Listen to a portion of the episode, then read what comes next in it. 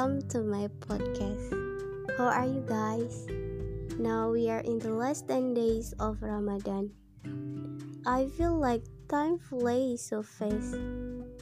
Maybe for some people it is good news because soon it will be heading for the day of victory.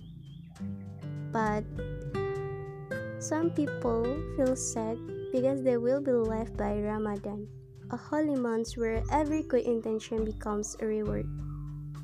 In the last 10 days, there has been a night better than the night of a thousand months.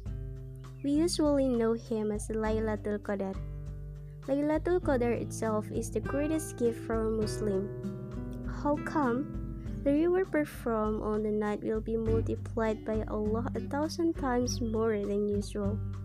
MashaAllah is very generous to his servant.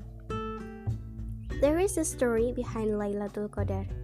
The story came from the corner city of Gorontalo. He is Mr. Karim. He is a homeless person who lives alone, but never feel lonely and give up on life. With an old bicycle and bundle of clothes and scrubbing sand, he moved from place to place, just looking for a place to stop and rest, relieving his fatigue after work. From house to house, Mr. Kasim offered his service to clean frying pans or other kitchen utensils for a wage of 1,000 to 5,000 rupiah. It is not uncommon for a housewife to have their heart touched and to give bigger wage. Mr. Kasim never said the wage to be paid. After the frying pans were cleaned from the charcoal scale thanks to properties of scrubbing sand, the charcoal residue that had split into his fingernail was enough to prove that the middle-aged man was willing to undertake this unique job. Mr. Kasim did not want to be a beggar from house to house. Allah is never plain. He always helps me so I can survive like this. He sighed when met on the outskirts of Gorontalo city. The departure of his wife and children years ago made him realize that he must immediately fix his life. Previously, Mr. Kasim spent his days stealing and gambling. Maybe my child and wife were deliberately taken by God as a warning to immediately repent and leave this too haram action, he sighed. It was then that the turning point in Mr. Kasim's life changed. He returns to his way and intends to wash away his sin until his life is finished. Feelings of regret and guilt made him understand religion more. He started with studying the Quran from an ustad, and then wandered from mosque to mosque. The month of Ramadan as it is today is the most eagerly awaited time. He always welcomed it with joy. I want to have the night of thousand months. I want to pursue forgiveness in the month of Ramadan, he sighed. He always remembered the word of his teacher. Waqwa the hadith reckoned by Bukhari and Muslim. Whoever performed prayer on the night of Laylatul Qadr because of his faith in Allah and because his hope for his good pleasure, his past sins will be forgiven. The scripture do say that Laylatul Qadr is a better night than a thousand months. Muslims believe that on that night the gates of heaven are open. Prayer will be answered and all destiny that occur in that year will be determined. Because of this, Mr. Kasim kept looking for the night of Laylatul Qadr, especially on odd night.